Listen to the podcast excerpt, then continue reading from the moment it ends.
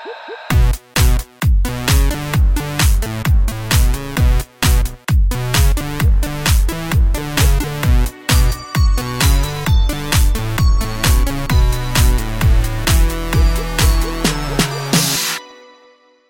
och välkomna till Ytspänning, podden där vi guppar på ytan likväl som dyker ner till havsbotten. You betcha. Mm. Jag heter Christian Kaspersen och jag sitter här med Alexi yay, yay. a.k.a. Alexa Lundberg helt Ja. enkelt. typ. Ja, hur mår du? Åh, jag mår bra. Eh, jag känner mig lite trött, ska jag säga. Det var en lång arbetsvecka. Eh, nu när vi sitter här och spelar in är det ju söndag, Mm. eh, vilket betyder att eh, det är en ny arbetsvecka imorgon. Och jag har inte vilat eh, jättemycket i helgen. Jag har precis kommit hem från en eh, galapremiär av Lasse-Majas detektivbyrå. Ja, hur var det? Ja, det var så roligt. Alltså, för det första, eh, de eh, som spelar Lasse och Maja, de här underbara kidsen, alltså, ah, de är så bra. Eh, jag har en liten roll då jag spelar en av de misstänkta bovarna i det här dramat. Eh, det är Moa Gammel Ginsburg som har eh, regisserat. Eh, ja, det, det var jätte, jättefin dramaturgi, det är tydligt, det är spännande, det är liksom eh, lite som man kommer ihåg film när man var barn liksom. Mm. Eh, det- matiné. Ja, lite sådär matinékänsla.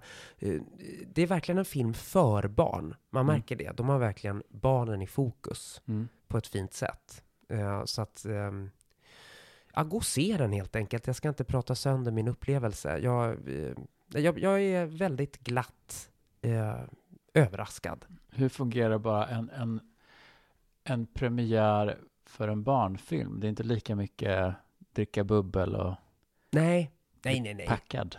Eh, nej, alltså jag, fick, jag fick mig två glas så att jag blev lite på pickalurven. För jag är väldigt lättpåverkad. Eh, ja, Eh, det, kan jag skriva under på. Ja, precis. Det behövs inte. Jag är inte dyr i drift. Nej.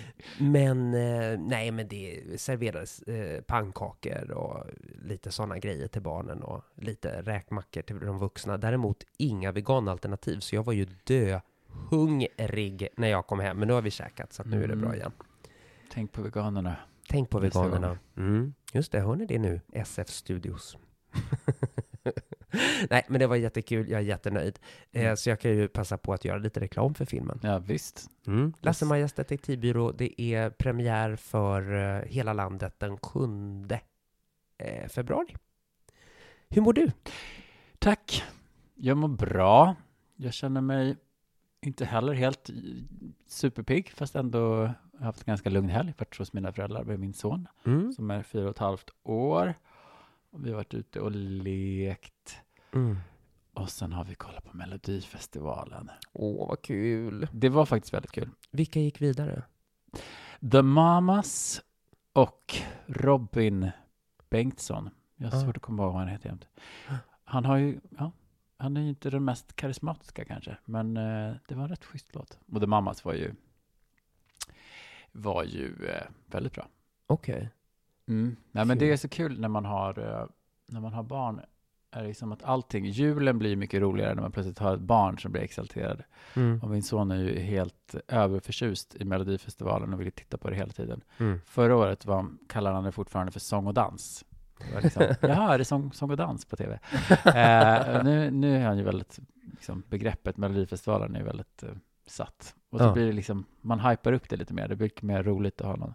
Han gav 10 poäng till alla bidrag i alla fall. Ja, men gud vad härligt. Mm. Så Och- det är härligt att sitta med en sån positiv kraft som bara tycker allt är superbra. Ja, väldigt demokratiskt. Ja. Alla får 10 poäng. Man är ju så van att man bara sitter och sågar Melodifestivalen, att det är det som är nöjet, att sitta liksom och såga, bitcha loss. Så plötsligt har man någon som, man blir lite helt avväpnad på det viset, att sitta med den liksom, glädjen. Ja, Nej, men det var jättemysigt. Mm. Det var jättemysigt. Sen ramlade han ur sängen under nätterna och väckte mig lite grann och. Så. Ja, ja, och därav lite- sömnbrist. Därav sömnbristen. Men det är okej. Men det är okej. Det är okej. Du, du överlever ändå, så att säga. Han gör det, för nu ska vi få prata om lite härliga Produkter. produkter och lite annat smart och gott.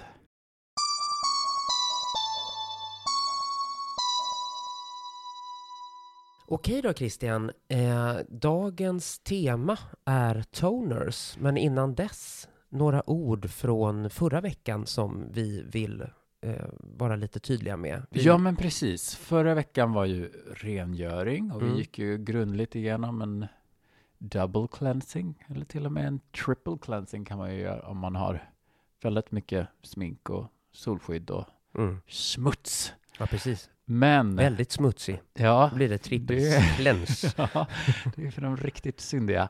Men eh, den här gången så tänkte jag ju lite grann, vet vi, det är ju inte riktigt samma sak som behöver gälla va, för när man vaknar på morgonen med sitt återfuktade ansikte Nej, då behöver ju man ju inte köra alla de stegen. just det. Vi, vi var inte så, vi gick inte in på morgonrutinen Nej, va? Inte Nej. överhuvudtaget. Nej, så då gör vi det nu först. Då gör vi det nu att som sagt på morgonen, du har ju fortfarande en del eh, gör ingenting. De tycker att men jag ser ju så härligt eh, lystrig och glansig och mysig ut på morgonen så jag lägger bara på produkter rätt på. Det, ja, ja, jag tycker inte att det är att rekommendera riktigt. Du är skeptisk. Jag är skeptisk och Caroline Herons Ja. som är en liten guru i den här världen kring hudvård. Hon definitivt har ju talat illa om att det, det där glansiga du ser i spegeln, det är svett. oh my Du har god. svettats och dina porer liksom över natten och du ligger och gnussar in dig i lite dregel och Ja, lite nej, fy fan. smuts på örngottet och härligheter. Så Jag ska sitta och sova i natt med haklapp. gör det. Så hålla igen lite på det där dreglet. Ja, som precis. Dränageslangar i Ja. var- vardera mungipa. Jag såg nog på natten till nyårsdagen hur du låg och dreglade. Ja, ja, visst. Men det var ju för att du låg bredvid. Men en liten, en liten, liten lätt rengöring alltså. Mm. Ett steg. Man Ett kan steg. Ja, bara köra en. Men inte med sitt micellärvatten då. Nej, då med... kanske man bara kör med micellärt vatten. Om Mm. man är lite torr och känslig kan väl bara köra lite micellärt vatten eller skölja med Mm. något. Eller bara tvätta lite med Mm. lite ljummet vatten. Mm. Ett Och- steg. Ett steg räcker. Mm. Så smutsig är man inte, men samtidigt någonting. För att få bort allt det där dreglet då. Få ta bort dreglet, det är det, det, är det som är huvudsyftet. Ta bort dreglet. Ingen vill se. Sminka inte över det, ta bort det. Exakt. Ja, och sen tänkte jag också, vi kom aldrig riktigt in på, ja, dels på det här med temperatur. Ja, just det. Temperatur på vattnet där ja. Mm, jag tänker ju så här va. Är det så viktigt då? Ja, jag skulle ju säga det. Vissa, där har vi återigen, alla har ju olika Mm. hud. En del, en del kan liksom stå och skölja ansiktet i liksom hett vatten när de står och duschar och bara, jag kan ju inte det. Mm. Om jag skulle stå och duscha ansiktet lika varmt som jag gör i duschen, då skulle jag bli röd och irriterad och så får jag liksom på kinderna här liksom massa, nej, så att, men, Blämmor typ. Nej, men liksom blir röd och kan, kan få någon lite så här, Fläckig, så här rödfläckig. ja. Ja. ja, Ja. jag vet vad du menar. Mm. ja, nej, man ska passa sig lite grann för skållhett vatten. Mm. Och likadant, iskallt vatten kan ju många vara så här, det stänger porerna. Men good morning. Mm. Porerna stängs inte. Om de stängs så dör du. Nej, men det, det funkar inte så med porer, liksom att de kan stängas helt och hållet, utan att du Men kan de krympa? Med vissa produkter kan man ju få dem en aning, aning tajt, och verkar det som att den allmänna uppfattningen är, men du kan ju inte verkligen, nej, det är ju inte någon enorm förändring du kan åstadkomma. Vissa, alltså porer, du är född, har du liksom stora porer så det finns lite du kan göra, men det är inte så här, du kan ju inte förvänta dig att du fullkomligt ska, Mm. men Okej, så det är en myt det här med att man ska ha jättekallt vatten på huden för att liksom Ja. minska det, stora det kan ju porer. kännas uppfriskande, men jag tror inte dina porer kommer att totalt byta storlek. Nej, Mm. så är det nog icke. Nej. Nej, men extrema temperaturer, jag håller på att växla med det också som en del sådär. Mm. Varmt och kallt och varmt och kallt, jättefräscht, men det är ju verkligen, man kan få rätt reaktiv hud och man kan också liksom störa lite hudbarriären om du går på med så, så jättevarmt framför allt. Då. Mm. Brustna blodkärl, sånt där som kan uppstå vid extrema temperaturer om man är ute när det är svinkallt. Om man har, ja, nej. Mm. Så det, Och då ska vi alltså, rekommendationen för rengöring, eh, vattentemperatur är, ja, ljummet lite varmare än ljummet kanske. Om du känner dig smutsig så får du, det är väl som att tänka med, med kläder, eller? ja, ja just det, Ja, man klär sig inte- för, Nej, jag tänkte på när du tvättar kläder. jaha, när du tvättar kläder ja. Ja, just det. Du behöver inte gå upp till 60 grader. Nej, det räcker med 40. ja, precis. Kanske 40 blir lagom. För vissa plagg, eh, handtvätt. precis. ja, det är så man får tänka. Det var ju en bra metafor. Ja, faktiskt. Jag har faktiskt inte tänkt ut innan. Nej, du Ja, ser. det händer. Improvisationens... Det händer i ytspänning, kom ihåg det. Ja, det gör det. Välkomna tillbaka. Ja, och sen en annan på dig eh, innan vi avslutar detta med just själva rengöringssteget. Att du kanske har märkt någon gång om du liksom tvättar ansiktet i duschen, kroppen och sen så går du ut och så går du runt och så att du inte smörjer in det med någonting ett tag. Att huden mår ju absolut bäst om man försöker vara ganska snabb direkt när man kommer har gjort, rengjort sig. Att på med en kräm, toners, allt vad du ska ha. Mm. Du springer ut ur duschen. Jag rusar. Du skulle se mig, jag har panik. På med det där jävla serumet! Nej, men jag, jag, jag, dusch, jag tvättar faktiskt inte ansiktet i duschen överhuvudtaget för att jag gör det i handfatet när jag kommer ut och då smackar jag på. Mm. Undviker du när du står i duschen? Absolut. Du undviker Ja, ansiktet? ja, Är ja. du helt torr om fejan när ja, du står det i duschen? kanske kommer en liten droppe som strilar ner för pannan, men that's it. Är det sant? Jag, jag har Mm. fast försökt att göra det eh, Mm. efter att du och jag har snackat om det här med temperaturer och så. Mm. Men alltså, jag, för det är stört omöjligt tycker jag. Nej, men jag vill ha alldeles för varmt, alltså i- mot slutet när jag står i duschen och stå med och hälla det på ansiktet. Nej, Nej, men inte hälla, men jag tycker det är eh, nästan omöjligt att inte få eh, alltså vattnet att rinna ner i ansiktet. det är bara luta bak huvudet så är det. Ja, fast det, det är ju väldig ansträngning. Alltså, men du är ju van. Du har hållit på med det här i över 20 år. Jag höll på i en evighet. Ja, visst. Sen jag var en liten toddler, säger jag. Jag började med det här redan som tvååring. Exakt. Jag var en toddler, säger jag dig. En toddler.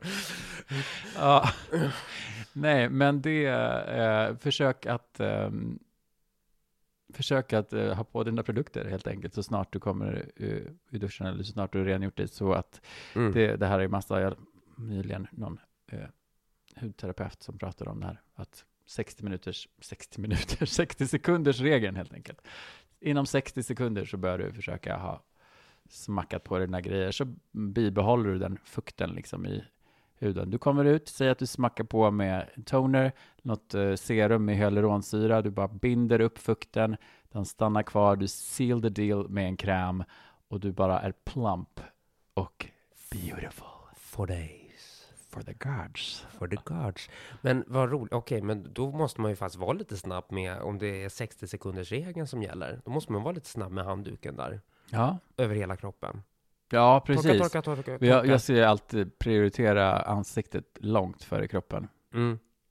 The face, det är ditt. Det är det som du visar världen. Ja, precis. När kroppen den visar du mot någon, någon älskare någon gång då och då.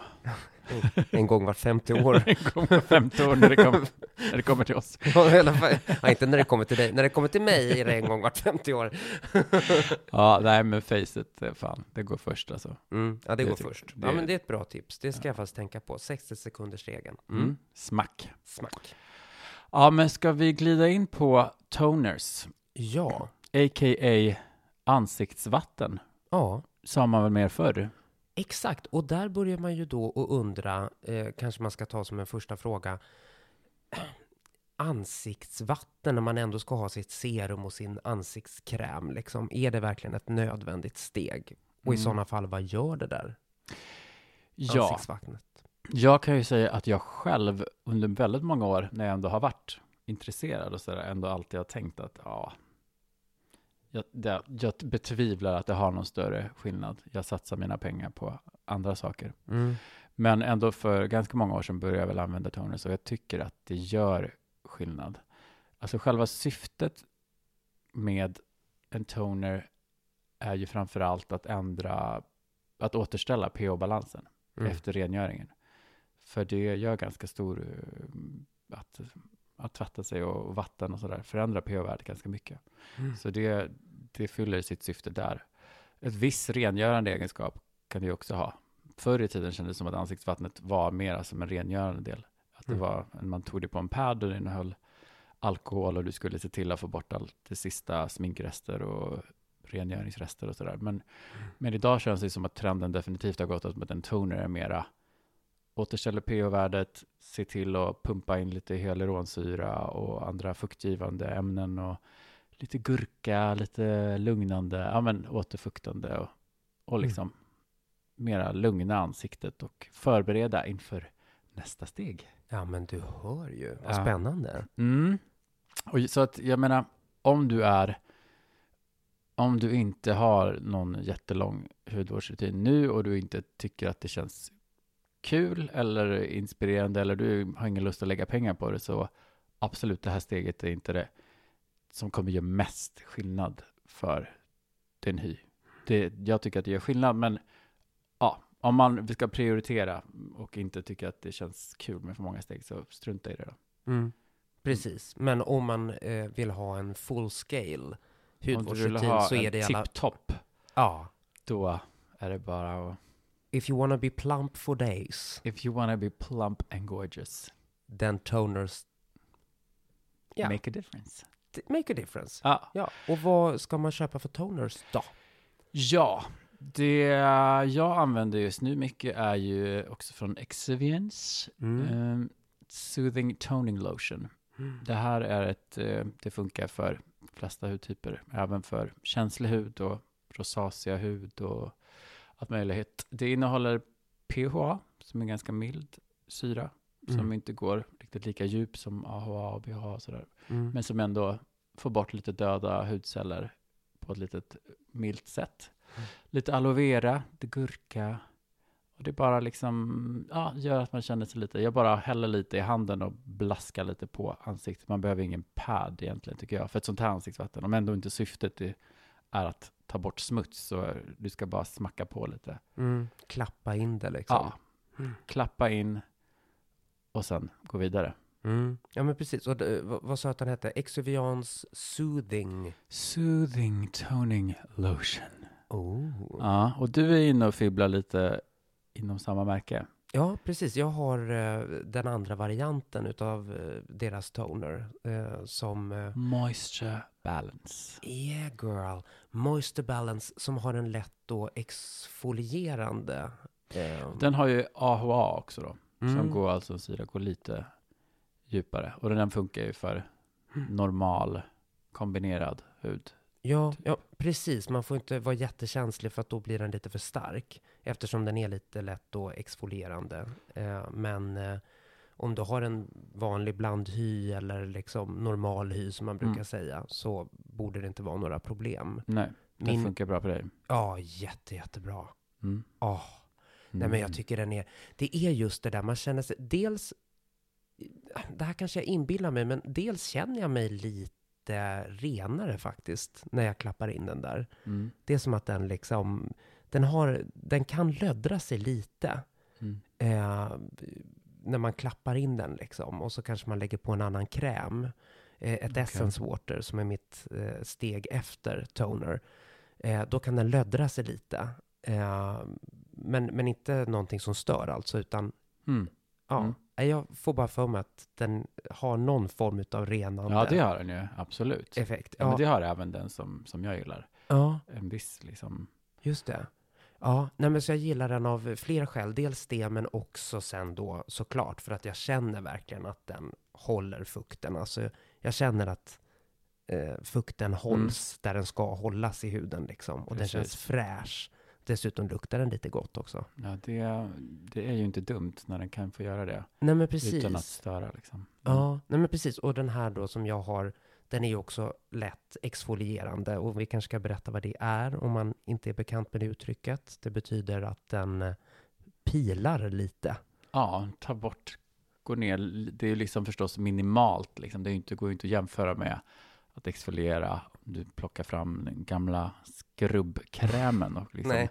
götta loss. Men på ett försiktigt sätt gå ner lite, liksom BHA är en sån som går ner liksom och verkligen lyfter bort liksom, får bort döda hudceller genom att liksom lösa upp lite fettet som sitter emellan och sådär. Som, eh, ja, så att det bara får bort lite döda hudceller helt enkelt. Så att man vill ha en frisk eh, yta, men utan att irritera huden. Precis, och ja precis, för skulle det, eh, den här tonen ha en sån kraftig exfoliering så skulle man ju inte kunna använda den dagligdags liksom. Ja, men med detta så tycker jag att vi går över lite till eh, ett annat toner. Okej. Som är en riktigt exfolierande toner. Ja, ja, ja, just det. Just det, det här är ju liksom den mest mytomspunna tonen i hela, hela världen, skulle jag Oh. nästan påstå. Spännande. Jag har faktiskt inte provat den själv, så det här kommer inte utav, eh, men jag har läst mycket om den och jag har vänner som provat. Jag talar om Biologique Recherche Lotion P50. Oh, are you French, mister? Mhm. Je suis en suédois. Mm. Uh, nej, men den, det här är alltså något som tvillingarna Olsen har kallat för Jesus in a bottle. Oj, Mm, blasphemy, säger jag. verkligen. Men det här, är, det här är definitivt ett exfolierande ansiktsvatten. Så att om du använder det här så behöver du inte hålla på med allt för mycket andra exfolierande produkter. Mm. Men den är antibakteriell.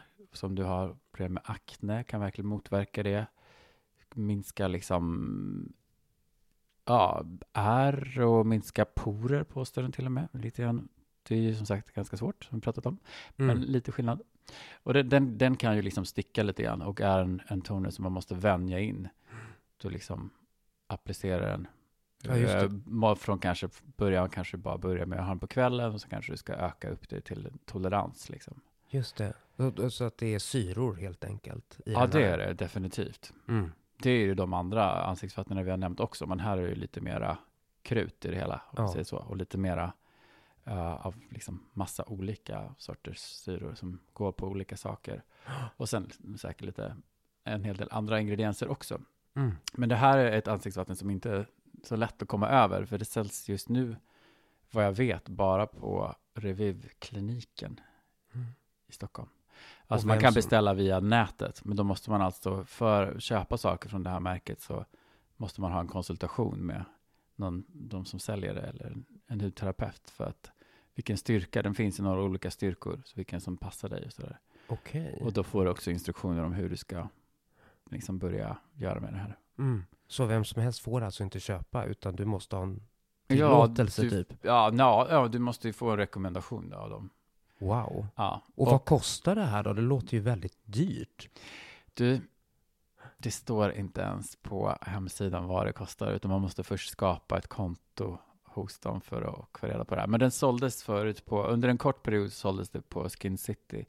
Så jag vill minnas att det, det är dyrt, alltså, Mm. definitivt. Men Mm. eh, ja, om man har liksom verkligen en problematisk hy och liksom kanske får mer akne och, och sådana saker och vill, så ska det här verkligen vara, som min vän Rebecca säger, bra skit.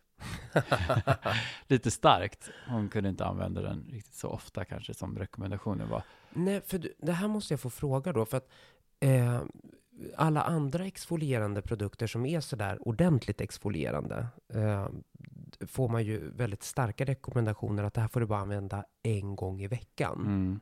Men det här då är tanken att man ska använda varje dag. Japp. Men hur, hur går det ihop då? Liksom? Vad är det som är så speciellt med det här som gör att den inte är... Ja, nej men så starkt är det ju inte. Det, är inte, det kan ju inte vara så koncentrerat som liksom, En vanlig exfoliering. ja men som den typ blodmasken som du har från 30% i AHA och 2% i BHA som Nej. från The Ordinary som du har köpt, som jag också har. Just det, men är det här då också en toner för en, för lite mera, eh, en problemhy? Ja, det tror jag inte att de skulle påstå. De menar liksom att all bra hudvård börjar med det här ansiktsvattnet. Det här är liksom, ja, det, det, gå in och läs på nätet. Det är verkligen så här, det ska, en del tycker att det luktar vidrigt. Det luktar typ ganska mycket vinäger. Typ. Oj. En del tycker att det är en så här, man börjar gilla det efter ett tag. För man vet att det, Stockholmssyndromet. ja men om man vet att det har förändrats ens eh, hy mycket så Ja. Ja, men jag kan inte gå i god för det själv. Jag har faktiskt inte, eh, jag har inte riktigt ja, tyckt att det känns som var värt att lägga ut de pengarna. Jag har inte så Mm. mycket problem med. Men Rebecca hälsar att det blir att det är bra skit. Lite starkt med bra skit, hälsar Ja. hon. Mm. Och som Kul. katolik vill hon inte skriva under eh, tvillingarna Olsens Jesus in a bottle. Nej, no så sir! talar vi icke. Nej. Nej. Ehm, och sen har jag annat- ett sista tips då. Ett, Just det. Ja, som är framför allt verkligen handlar om att ge fukt. Mm. Det är Claire's, det är ett koreanskt märke. Mm. Supple Preparation Toner. Supple. Supple. I feel supple. I feel supple. Supple. Sir, Och I jag feel stod supple. faktiskt upp vad det är supple betyder, men nu kan jag inte komma på det. Nej. Ehm, men det här är verkligen ett eh, ansiktsvatten som ger massor av fukt. Okej. Man kan lägga på det i flera lager. Man kan liksom plaska på lite grann, vänta lite. Känns det som att huden behöver ännu mer fukt, ta ett lager till och sen tar du serum. Så, Mm. så det här det liksom binder fukt i huden och det är hyaluronsyra, aminosyror. Mm. 299 kronor för Ja. 180 milliliter. Så det låter ganska dyrt, men det är ändå, man får rätt mycket. 180 milliliter, en rejäl. Mm. Och det är ändå en budgetvariant till det tidigare tipset där. Ja, som det- dessutom kräver lite dermatologisk hjälp. Ja, precis. Jo, nej, men det är en helt annat. Det är bara liksom framförallt mycket fukt. Då. Mm. Jag ska säga att Exuvians ansiktsvatten ligger på 265, hittade jag på Mm. nätet. Ja, ja, det är samma. Jag, jag hittade... Nej, nu tänker jag fast på en annan grej. Nu tänker jag på det eh, Exuvians eh, rengöringskräm. Eh, glöm vad jag sa. Glöm, det Ja. här stryker vi sen. Ja, den, fick för 200, den finns för 229 kronor i alla fall. Oh, Mhm. billigt. Ja, jag, jag har börjat bli en sån här hacker på nätet. Jag hittar det billigaste billiga. Alexa Salander ja, precis. Nu kallar mig bara Lisbeth från och med nu. Ja, Jaha, var det här eh, alla tips? det här var dagens tips och Ska vi- nästa vecka, Ja. vet du vad vi kommer komma in på då? Vad kommer vi in på då? Ditt favoritsteg. Vi Ah. kommer tala serum. Åh, gud. Ja, det är verkligen mitt favoritsteg. Jag tycker det är absolut härligaste grejen att eh, applicera. Ja, men det håller jag med om. Mm. Det är verkligen, det är där man kan lägga på mycket härligheter som går ner. Det blir retinol och det blir eh, Mm. Och Mm. retinol, denna gudagåva. mm, C-vitamin. C-vitamin. Det blir Precis. underbart. Ja, men jag tänker att innan vi avslutar eh, det här segmentet så eh, ska du ta tipsen i en snabbradda här.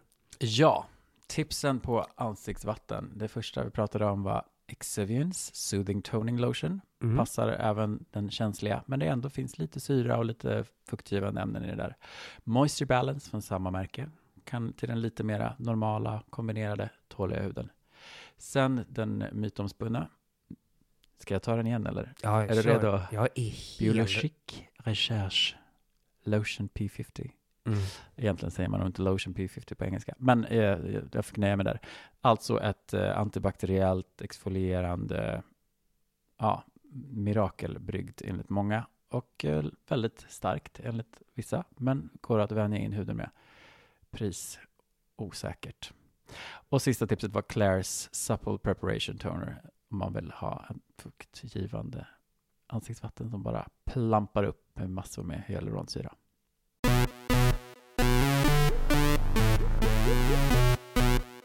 I förra avsnittet så började vi ju tala om att förväntas vara man Mm. och vad det har inneburit för oss. På vilket sätt vi har spjärnat emot eller följt med eller ja, på olika sätt. Mm. Jag tyckte det var mest jag som hann börja babbla. Vad, vad tänker du, Alexa? Ja, ja, precis. Tiden tog ju slut. Ja, Eh, och jag sa, gå och köp min bok. Så har ni inte köpt min bok, så gå och köp min bok. Och så får ni reda på allt om mitt härliga liv. Eh, Bögtjejen finns där böcker finns. exakt. Eh, men eh, om vi då ska ta en liten kortare version här, fast ändå då en liten annan take på det. Mm. Eh, det här med att vara, förväntas vara man. Eh, Du hann ju egentligen aldrig riktigt förväntas vara man, men ändå på Jo. väg dit emot. Ja, men pojke, alltså på Ja. väg mot... Absolut, alltså jag Mm. tror ju att vi har alla de här förväntningarna på oss redan eh, i barnkrubban alltså. Mm. N- när man får sin blåa overall eller sin rosa ballong. Mm. Hej, det blev en flicka, grattis liksom. Den här Ja. jättetydliga uppdelningen. Eh, som kommer med olika förväntningar. Mm. Jag var ju ett väldigt feminint barn. Jag ville Mm. leka med tjejerna, jag ville se ut som tjejerna, jag ville klä mig som tjejerna, jag ville leka det man ansåg var tjejlekar. Mm. Och det var väldigt tydligt eh, att den vuxna omgivningen absolut inte kunde acceptera det här. Man ryckte kjolar ur handen på mig, man drog mig ur eh, grupper där tjejerna skulle stå och sa Mm. liksom att här kan du inte stå, du ska stå med killarna. Eh, man skammade att jag, eh, jag- jag var ett väldigt frigjort litet barn som tog med mig till exempel eh, killarna in på toaletten och så hade vi lite, kramades vi nakna där inne vet du. Mm. mm, ja, det, det var det jag som drev på förstår Ja, du. Så att, ja, hon var igång redan då. Eh, men, men det här skammades ju något oerhört. Ja, jag kommer aldrig glömma blicken. Förlåt mamma, jag vet att du inte står för det här idag. Men, men, men då, jag kommer aldrig glömma den blicken av att hon hade en blandning av panik och rädsla och ilska. Eh, när hon fick reda på att vi hade då snoppats, som jag kallade det för. Gud vad gulligt. Ja, men det var liksom... Det, det, jag, jag förstod ju snabbt, liksom, inte bara utav att min mamma blev sådär upprörd. Jag kommer ihåg att hon sa, eh, det här får ni absolut inte göra Mattias. Alltså det var Mm. som att vi hade tänt eld på eh, någons brevlåda. Eller, alltså du vet, Mm. såhär, det var som att vi hade gjort något riktigt ordentligt fel. Liksom Mm. idag som vuxen fattar jag ju att min morsa bara var nervös. Hon var ju rädd liksom för, Mm. oj, om någon ser. Hur- alltså hon var ju rädd om mig. Och det tog sig ett konstigt eller felaktigt uttryck. Det här Mm. var ju också på 80-talet. Jag menar, det var Mm. ju inte alls samma. Du känner ju min mamma också. Du, Ja. alltså, hon är ju fantastisk. Så att. Ja, eh, så det är, ing, det är liksom ingen sån grej. Men, eh, men, men liksom hela attityden i samhället var det här här. gör du inte. Så här gör man inte. Alltså det Nej. var liksom... Och, och det bekräftades ju hela tiden. Liksom, alltså, när man började skolan. Eh, det dröjde ju inte alls särskilt länge innan eh, Ja, det gick väl på lågstadiet gick det ju Mm. att fortsätta och byta lite bokmärken och Ja, men jag skulle säga det. Ty, kan du minnas om liksom någon period när det började att oj, nu börjar det verkligen inte vara okej. Att det började, Mm. att kraven blev större. Ja, absolut. Det, det började redan när man började ettan. Mm. Eh, Då sa mina föräldrar till mig att nu får du lägga teaterkläderna i teaterlådan för att nu, nu börjar du skolan och nu börjar du bli en stor pojke. Och man klippte håret på mig och eh, det var liksom sportkläder. Det var så här tydlig manifestation. Nu måste du börja bli en pojke. Mm. Jag kunde liksom fortsätta mina tjejlekar inom citationstecken ett tag till, men när lågstadiet var slut eh, och man inte längre var ett barn på det sättet, då, då, då var det liksom väldigt tydligt att jag bara inte passade in, att jag inte var rätt liksom. Alltså jag eh, hade inga vänner kvar, eh, jag började kallas för liksom eh, tjejen, eh, Mm. och ju längre upp i åldrarna man kom blev det ju bögen. Eh, lång historia kort då, så jag snabbar på lite här. Så börjar man högstadiet liksom. Och så... Ja, högstadiet, där är ju, wow, Ja, ja, nej, men den det, är ju den Ja. riktigt, tror jag, för många ja, men precis. av oss queers. Liksom. Ja, gud, alltså inte bara för queers. Nej, jag, för guds skull. Nej. Det är sån identitetstid. eh, Liksom, Verkligen. man formar och man är elak och man... Man är så rädd och man, folk Ja. hugger på varandra och liksom man verkligen, Ja, det är bäst att trycka ner innan någon trycker till en. Att riktigt, ja. Nej, vidrig tid verkligen. ja. Och där minns ju jag eh, att bland det första som jag hörde eh, i, eh, när jag började min nya klass då, i sjuan, för jag bytte skola och hoppades på att det skulle bli bättre där och att jag skulle få Okej. kompisar där. Det, it got worse girl. Åh, fy fan. Ja, Ur askan i elden. exakt. Och där eh, på gympan då i omklädningsrummet, en av de första grejer jag hör är äh, hörni killar, eh, jag tycker nog att det är rätt äckligt det här med att vara bög. Eller vad tycker ni? Och, och så skulle alla då bekräfta det här att bögar är äckliga och sådär liksom. Mm. Och Du rätt- kände vart adressen var Mm. riktad mot. Ja, precis. Jag vet, den där första gången, då var det nog bara att jag blev rädd. För att de skulle förstå att jag var bög. För Mm. att det hade jag ju förstått någonstans i mitt omedvetna själv. Men det dröjde inte särskilt länge, som du säger, Mm. att de började rikta sin homofobi mot just mig då. Mm. Liksom. Och så, så, så det här med mansroll har för mig inneburit väldigt mycket det här, liksom att jag absolut inte har tillåtits vara tjej, men jag har inte heller tillåtits vara man. Mm. Eftersom eh, dörren har varit stängd eh, Mm. för oss som inte lever upp då till vissa kriterier. Mm. Och eh, en annan grej från högstadiet som poppar upp nu är liksom att när jag, jag sitter ofta med benen i kors liksom. Eh, och hur en kille bara tittar på mig liksom, du vet, med så hat i blicken verkligen och säger jag hatar verkligen killar som sitter sådär. Alltså som att jag, alltså, och det, det, det kommer Mm. tillbaka till det hela tiden. Det är som att man gör, begår brott. Mm. Man begår ett normbrott, absolut, men det, det har liksom setts som Alltså bland det värsta du kan göra som man eller Mm. kille. Mm. Att vara feminin, Mm. eh, att gilla andra killar, att eh, tycka om feminina uttryck. Eller att liksom stå för att man liksom Mm. kanske pratar lite så här. Eller liksom, alltså allt det här som Mm. är så otroligt föraktat. Ja. Det här femininitetsföraktet. ja, men det är ju det. Det är ju det som mansrollen tar så mycket avstånd ifrån Mm. hela tiden.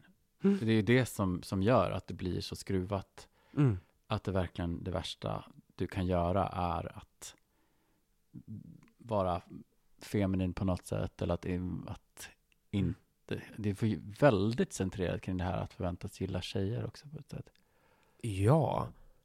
Alltså, stackars tjejer kan jag känna, ibland. Alltså det här hur killar liksom hela tiden mäter sin eh, styrka genom liksom om, eh, om de kan ragga upp tjejer, eh, vara framgångsrika.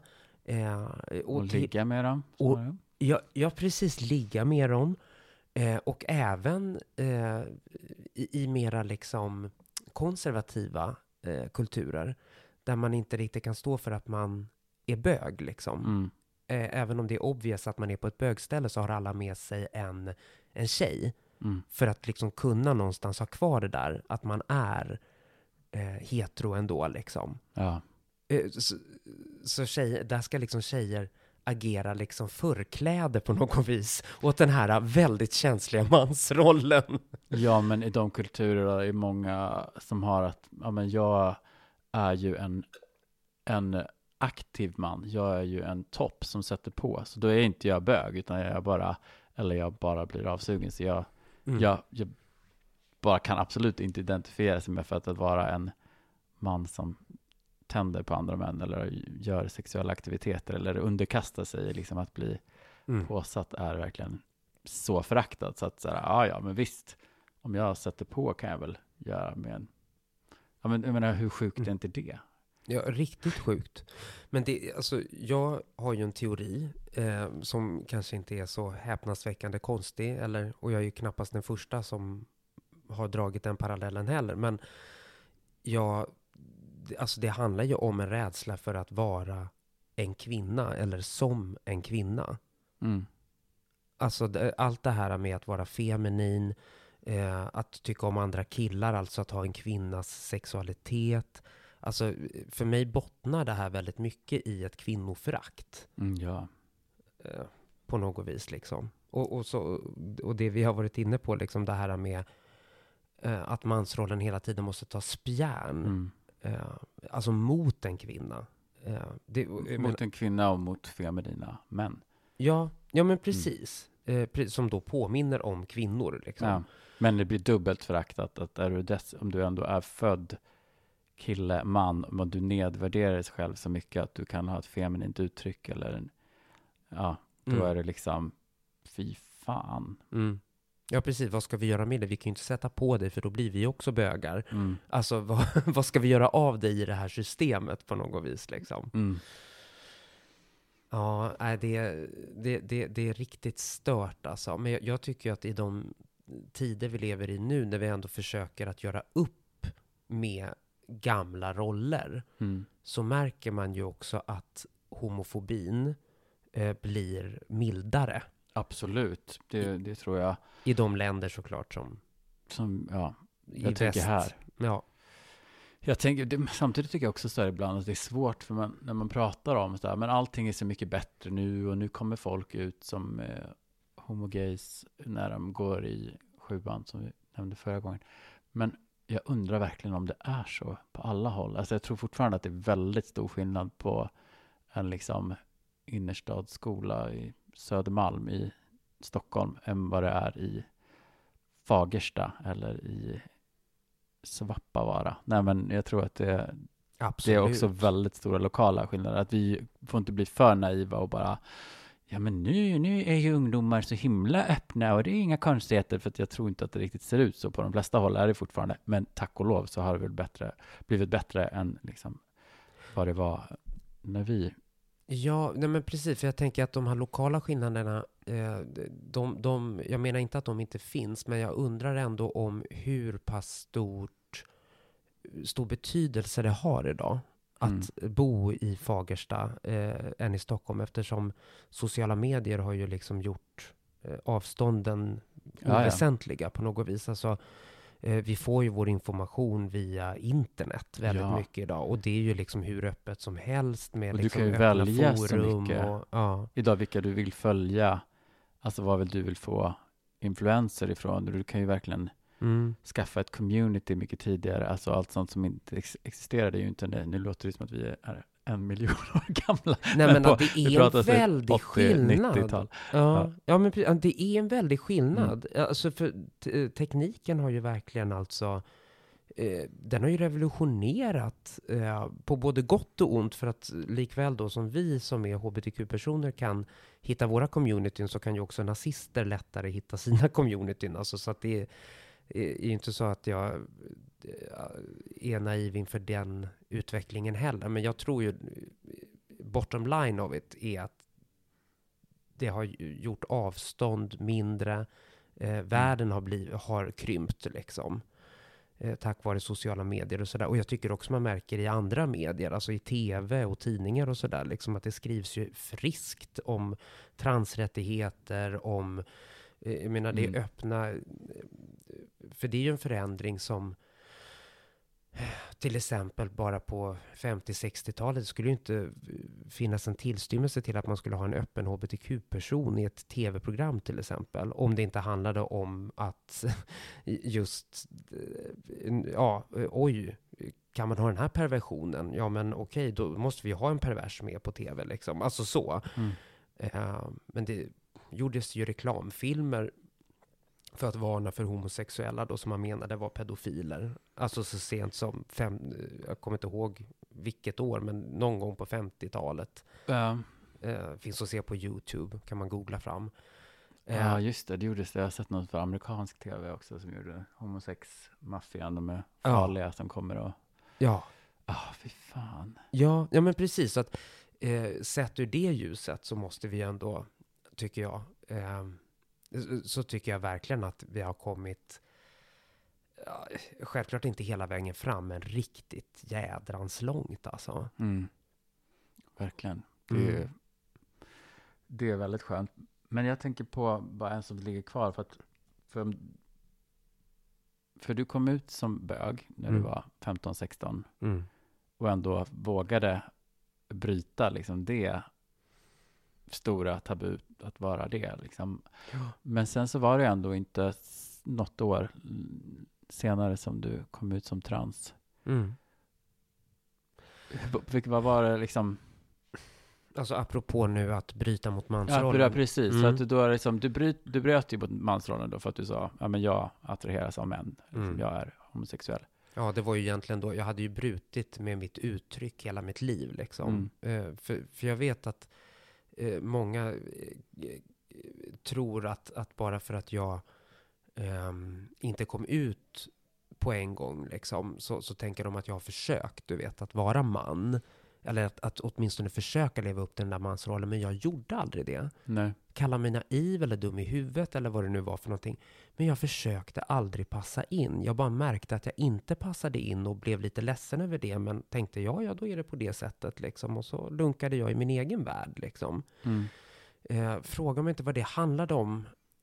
Eller jo, alltså det kommer ju, nu, nu kommer vi in på ett eh, avgrundsdjup, men jag har ju pratat om det här mycket och jag har skrivit en bok om det, så att jag kan dra över det lite också. Jag kommer ju från en familj där det förekom våld.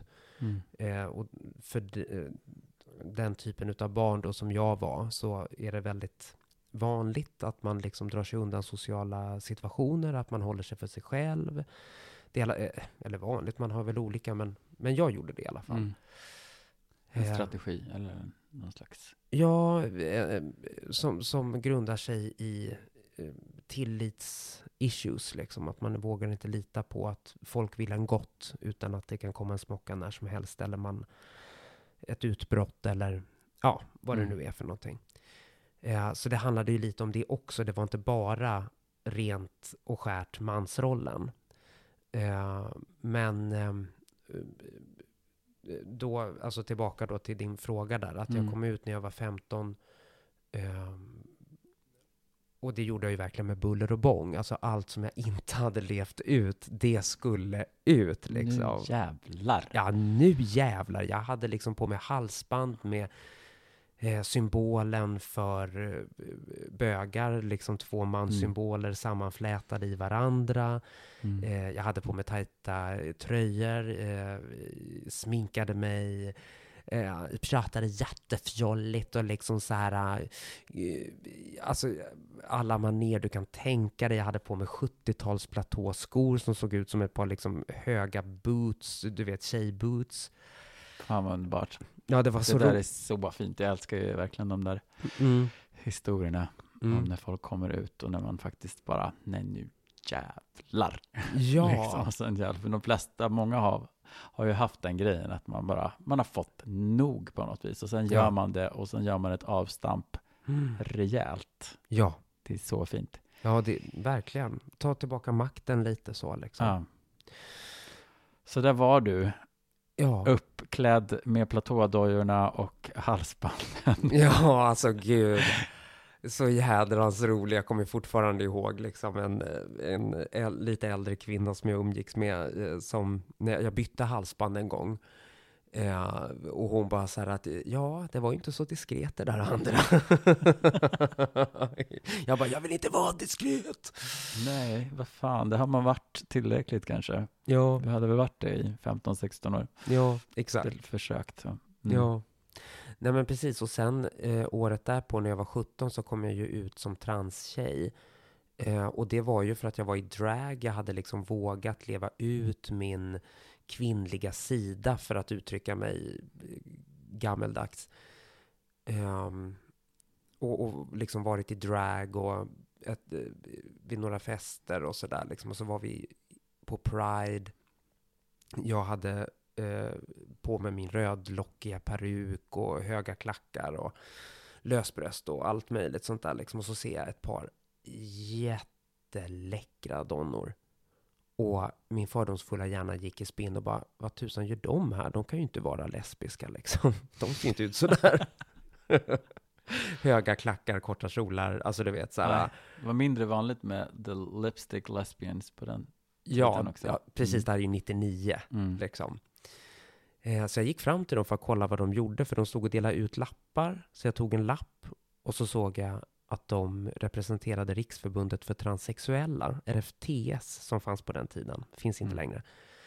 Eh, och efter att ha tänkt ett tag, eh, för jag blev helt perplex, vad är det här? Vadå transsexuella? Och så trillar lilla poletten ner och bara, de är födda som killar. Mm. Och alltså du vet, det var ju som att himmelriket öppnade sig. Mm. För jag ha, hade ju hela min barndom drömt om att få bli tjej. Mm. Alltså en riktig tjej, snälla gode gud, nästan bett till gud om det liksom. Mm. Ehm, och det var liksom i den vevan som jag tänkte att nu har jag hittat hem här liksom. Mm. Nu, nu vet jag vad jag är, nu vet jag vad det är för någonting som har skavt. Eh, och det hjälptes ju absolut av att de passerade så väl. Så att jag fick ju jättefantasier om ett liv som vilken annan kvinna som helst. Som inte behöver förklara sig Nej. mer än att de är kvinnor. Mm. Och det livet eh, inföll aldrig. Eh, för transsexuell är ingenting man, man, man... Man kan inte säga att nu, nu finns inte det som var. Eh, för det kommer alltid att finnas, för det är en del av mig. Även om jag skulle passera perfekt. Det fanns en tid då jag liksom verkligen höll uppe tonläget Mm. och, och befann mig i ett, ett kvinnligt röstläge. Eh, och eh, dessutom alltid förde mig på ett sätt som så att folk inte skulle misstänka mig. Nu, Mm. nu gjorde folk det ändå ibland. Mm. Men Du gick lite under radarn. Alltså, du ansträngde dig för att... för att inte eh, vara en transtjej synligt liksom. Mm. Absolut. Mm. Eh, men eh, inte ens då, även om jag var i sammanhang där jag passerade, så känner man sig fri. Eh, för, ehm, eller jag gjorde inte det. Mm.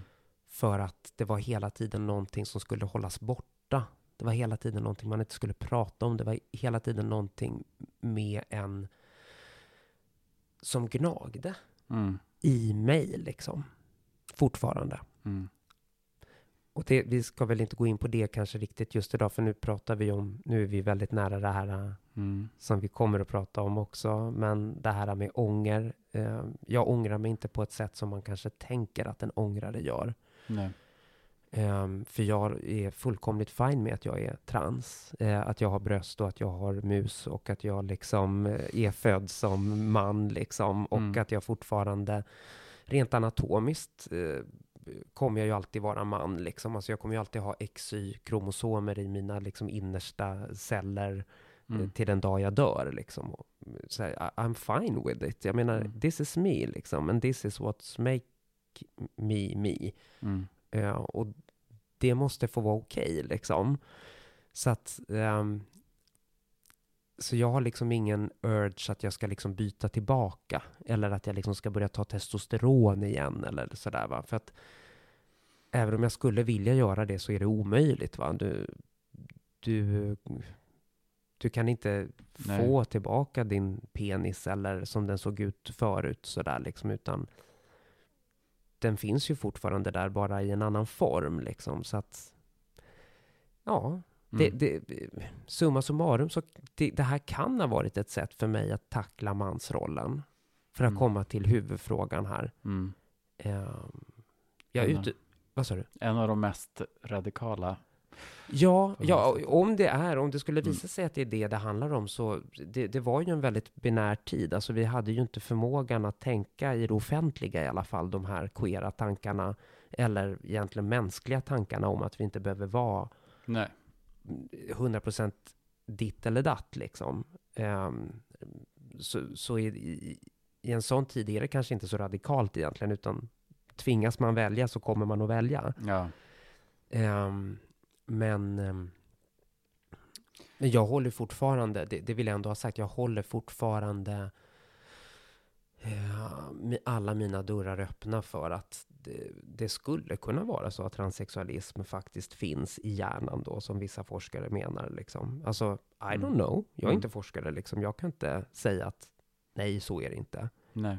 Men eh, jag tvivlar eh, på att det måste vara så. Och jag tvivlar väldigt starkt eh, där det handlar om eh, att eh, Eh, antalet transsexuella bara växer och man vet inte så mycket om orsaken och sådär. Liksom att, eh, när det handlar om sådana grejer, då, då tvivlar jag väldigt starkt på att, att det i alla fall handlar om just könsdysfori.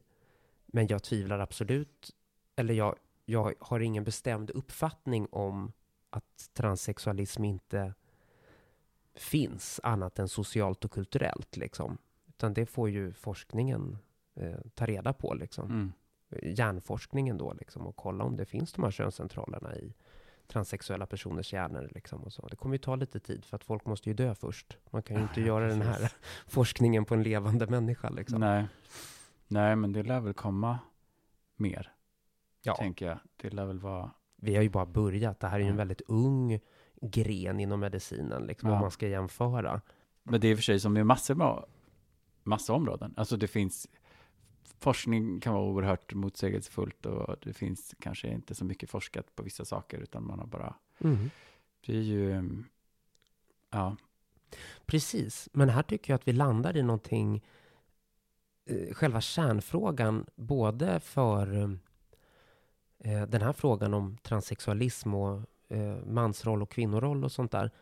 Eh, vad är kön? mm, Liksom, är det vad vi har mellan benen? Är det någonting som styrs från eh, hjärnan? Eh, eller är det ingenting annat än anatomi och Mm. resten är påhitt? Liksom? Alltså, mm, det är ju någonstans grundfrågan i det här. Liksom. mm. Och den kommer vi kunna vända och vrida på Ja, en hel del. ja gud ja. Vi, Ja. vi tog spjärn i mansrollen och så gjorde vi en massa kullerbyttor nu och hamnade i det här. Ja. ja, det finns mycket att fortsätta på, men nu måste vi runda av för den här veckan. Tack alla som har lyssnat. Ja, och tack Christian. Tack Alexa, Så jävla roligt. kära vän. Kära vän. Så roligt att göra det här med dig. Ja, men detsamma hjärtat. Och tack Sofia som just gäspade stort, lilla Ja. hunden. Min lilla hund, eh, Fia-Lotta Larsson kallar vi henne för ibland. Nästa vecka tänkte vi bjuda på skönhetstips vi lärt oss av våra fäder. Alltså, gud vad jag ser fram emot det här alltså. Ja, smaka på den och hoppas vi ses igen nästa vecka. Puss, hej då. Hej.